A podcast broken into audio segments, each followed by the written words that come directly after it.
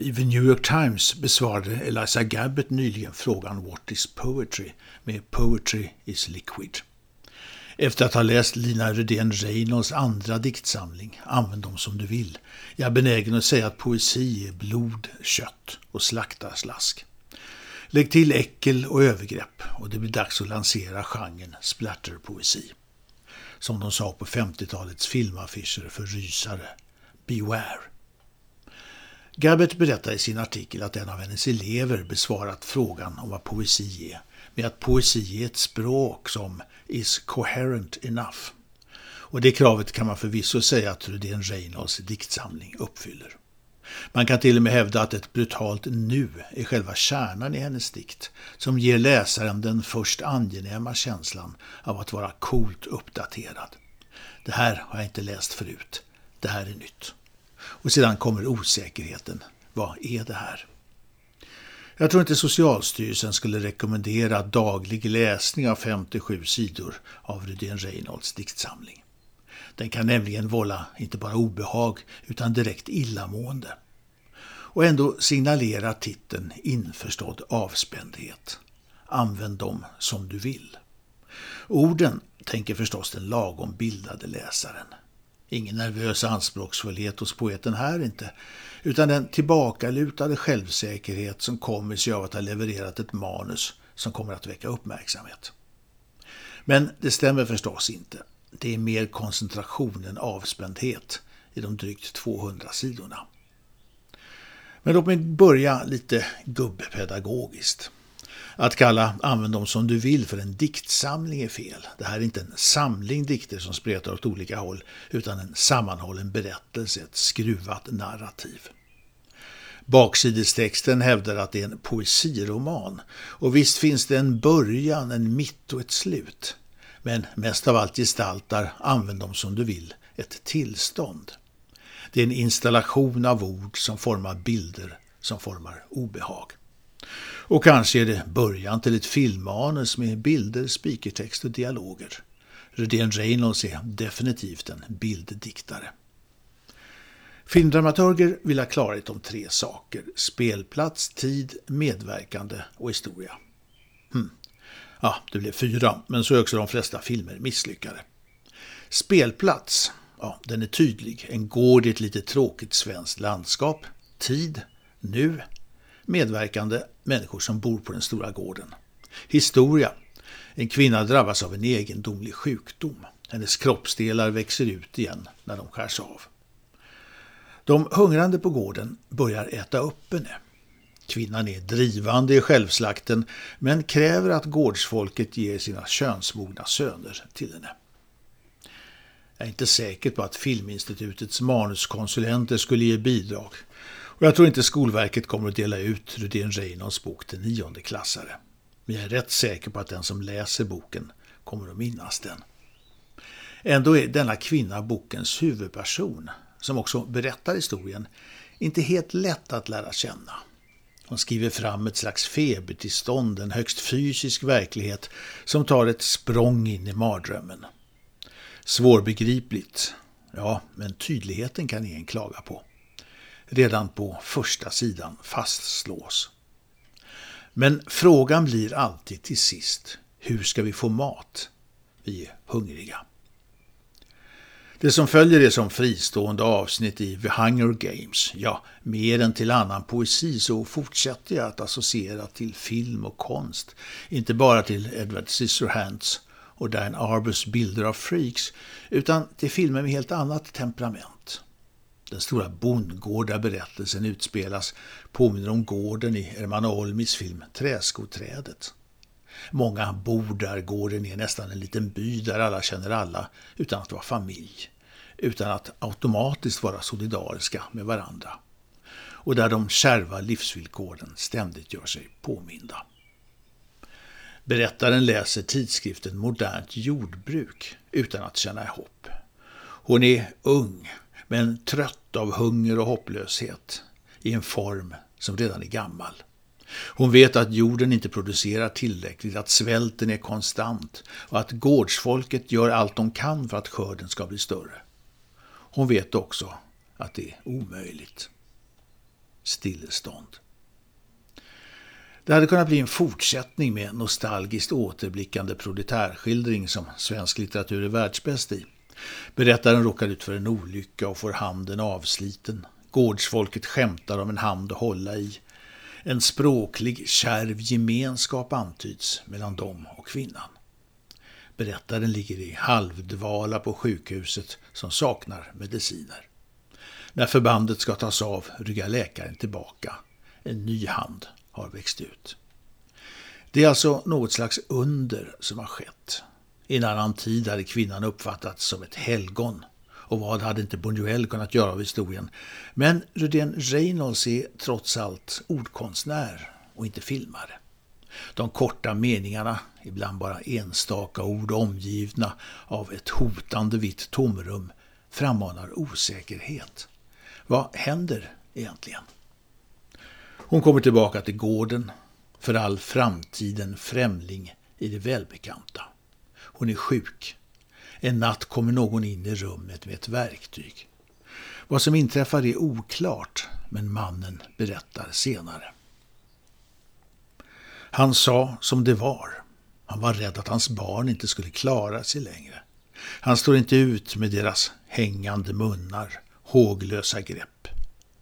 Ett kött som liknar kyckling, det tänkte han på när han gick in med sina verktyg. Han förklarar att han hört om hennes nya hand, hur den växt en gång. Det tänkte han när han gick in med sitt verktyg. Att armen kanske skulle växa igen. Och när han säger det sneglar alla mot hennes pirrande sår. Vad som sedan följer är religiöst färgad slaktarpoesi. Berättaren offrar sina lemmar för att så småningom göda hela gårdens befolkning. Helt naturligt, detta är en berättelse om vår tid, så uppstår tanken på att sälja hennes kroppsdelar till andra gårdar. Alla älskar ett ödmjukt och välartat offer, säger berättaren, vars kött tycks smaka kyckling, men det är lite väl mjukt. Hon är ett praktiskt helgon som själv manar till mer slakt. Styckandet fortsätter helt sakligt. Blir köttet bättre om musklerna skärs åt samma håll? Någonstans i resterna finns ett jag som lever och en text som vill vidare. Berättaren är alltså ett offer, ett frivilligt offer.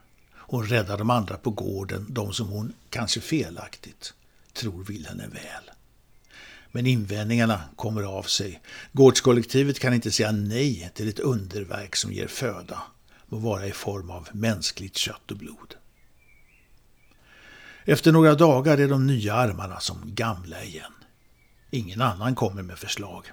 Det är hon som ber om att även hennes ben ska huggas av. Hon vill att han som först kom med verktyget ska vara den som utför. De tänker att det är ett straff. Men hon anar att hans övertygelse är den enda hon kan lita på. Slaktandet tilltar och därmed förändras situationen mellan offer, givare och ätare. De senare litar inte längre på sin givare. Hon ska lära sig att vilja ha. Åtskilliga författare har varit inne på kannibalism som myt, men Lina Rydén Reynolds är angelägen om att kött ska bli ord, inte myt. Hon är åskådlig och äcklet blir allt tydligare ju längre in i handlingen vi kommer. I sin blandning av blodstänk, offer, avsky och ondska för dikten tankarna till Pier Paolo Pasolinis film Svinstian. Originalets titel Porcele som han skrev i rasande fart mot slutet av 60-talet. Pasolini var svår att karaktärisera under sin livstid, men hundra år efter hans födelse så framstår antikonsumismen som kärnan i hans samhällskritik. Pasolini menade att konsumismen förvrider, eller snarare korrumperar sexualiteten. Samma sak sker i Använd dem som du vill. Allt blir handelsvara, förnedring, död. Pengarna gör skillnad. Köttet skiljs från henne och skillnaden sätter sig i kroppen. I Pasolinis sista film, Salo, eller Sodoms 120 dagar, som utspelas i en minirepublik upprättad för italienska fascister under krigets slutskede, när allt redan var förlorat, så går sex, konsumism och våld samman. De som vistas i Salå slipper dö i kriget, men offer utkrävs. Samma sak sker i denna dikt. Bägge berättelserna skildrar kränkning, utsatthet och våld. I en intervju med sig själv från slutet av 70-talet skriver Pasolini. Utöver att vara en metafor för den sexuella handling, påtvungen och grym, som den konsumistiska makten i sin tolerans tvingar oss att leva med, så är hela sexualiteten i Salå också en metafor för relationen mellan makten och de som är underkastade denna. Med andra ord så är denna film en gestaltning, kanske drömlik, av det som Marx kallade människan som vara, reduktionen av kroppen till ett objekt genom exploatering. Lina Rydén Reynolds är förstås mindre programmatisk än Pasolini i uppbyggnaden av sitt verk, men likheterna finns där. Likt Pasolinis filmer så balanserar dikten mellan åskådlighet och myt. Är det en myt? Nej, det är mat. Att sätta sig i världen, att försvinna och att vara kvar. Rudén Reynolds gör det svårt för sig. Hon vill enkelhet och åskådlighet. Pasolini valde motsatt väg. I utkastet till de sex pjäser, bland vilka Svinstian ingår, så använder Pasolini ett förhöjt språk som gnistrar i de många monologerna. Men det finns något att vinna med enkelheten. Rutén Reynolds berättar är extremt vardaglig i språket som därför blir så överraskande. Och det kommer en tid då de gamla förslagen blivit så normala att nya förslag kan läggas fram. Berättaren som föds på nytt och på nytt går vidare med människorna in i människorna. Hon börjar kräva något slags motprestation från de som tar emot hennes kött. Hon kräver att få knappt könsmogna pojkar som älskare. De som äter hennes kropp får alltså ge något i retur. Det är kött för kött. Berättaren går från att vara offer till förövare. Det här hade kunnat vara berättelsens peripeti, men jag tycker att denna avgörande vändningspunkt slarvas bort. Och till det kommer ett annat dramaturgiskt problem. En av pojkarna, namnlös, kommer berättaren speciellt nära. Hon ber den unge pojken att sova över. Pojken är den enda individen i denna historia, utöver berättaren. Men han blir inte tydlig och får inget eget språk. Senare tar pojken med en vän som också han får plats i sängen. Denne andre pojke är helt anonym. Poesi klarar mycket som ett filmmanus eller en roman inte mäktar med. Men de här avsnitten blir alltför blankpolerade. Och det bildspråk som var så starkt i inledningen gör föga avtryck i detta avsnitt. Kanske är berättarens identitet problemet. Hon är ju i sitt språk delvis vardaglig och nedtonad, delvis lite ironisk. Men dessutom är hon en mytisk gestalt med släkt både i onda förkristna sagor och kristendomens mytologi. Det är för mycket att hålla ihop.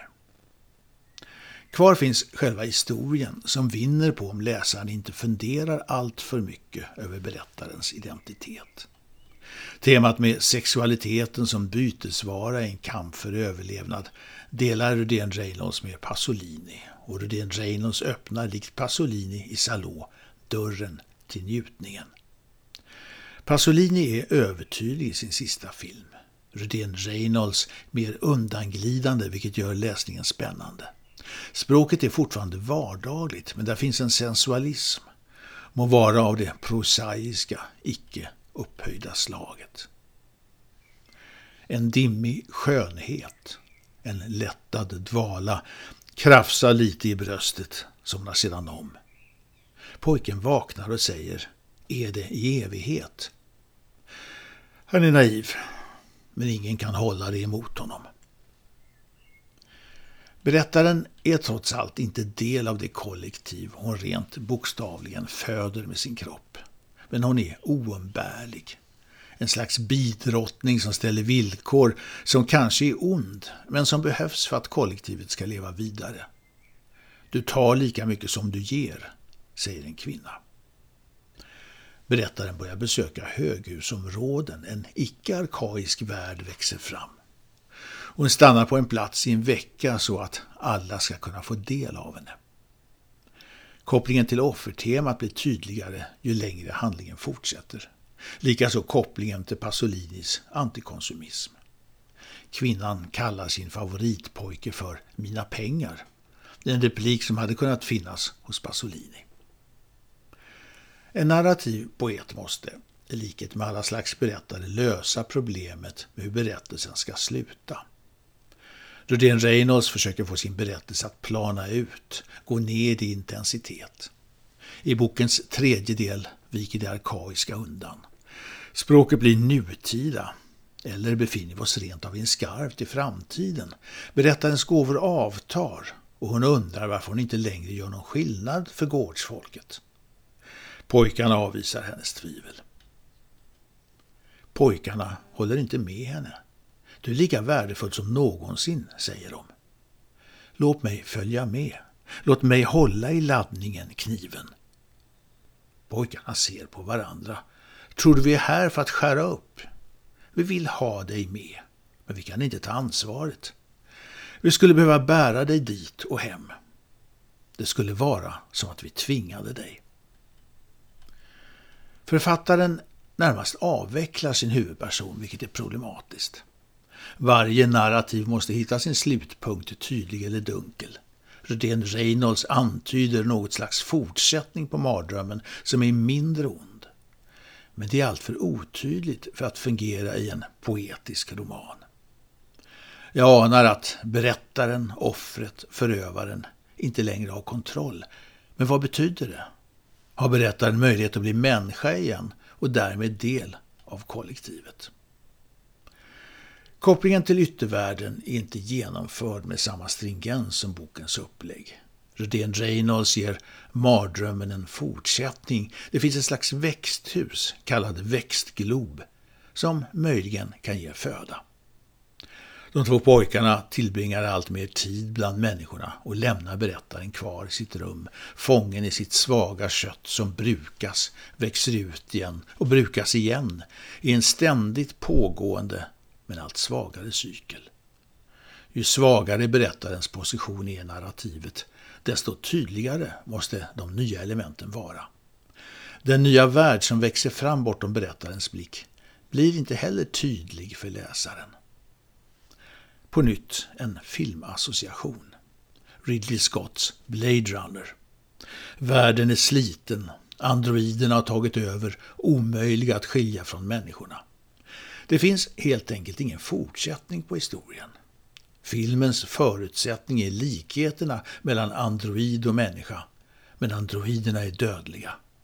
Berättelsen måste ta slut. I filmens mest berömda ögonblick vänder sig androiden Roy Batty till oss åskådare. Jag har sett saker som ni människor aldrig skulle tro på. Attackfartyg som brinner vid Orions axel.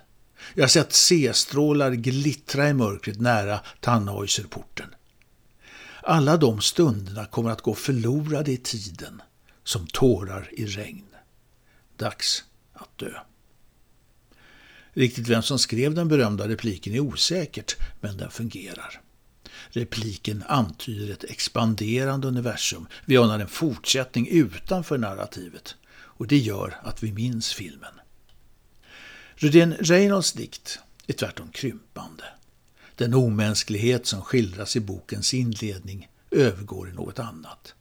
Efter diktens ofantliga grymhet i början kommer en mer mänsklig svaghet ta sig in och stå emot och knäcka. Med handen i bröstet. Placeras och placera. Vad ska knäckas, tas emot?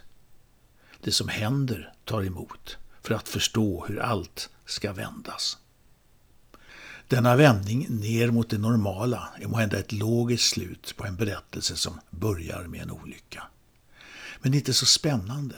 Det skapar inga bilder hos läsaren, utan fungerar mest som en lite trött utandning efter att ha kommit till slutet på ett stort projekt.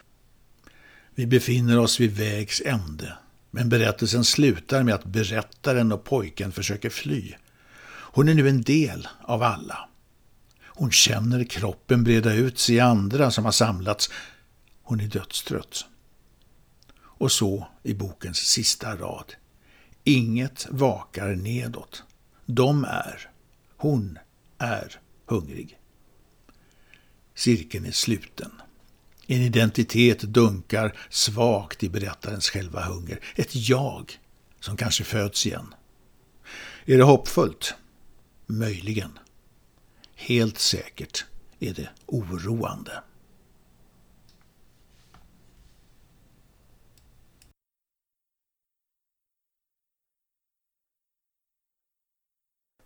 Den här recensionen är originalpublicerad på www.ornenochkrakan.se under ansvarigt utgivarskap.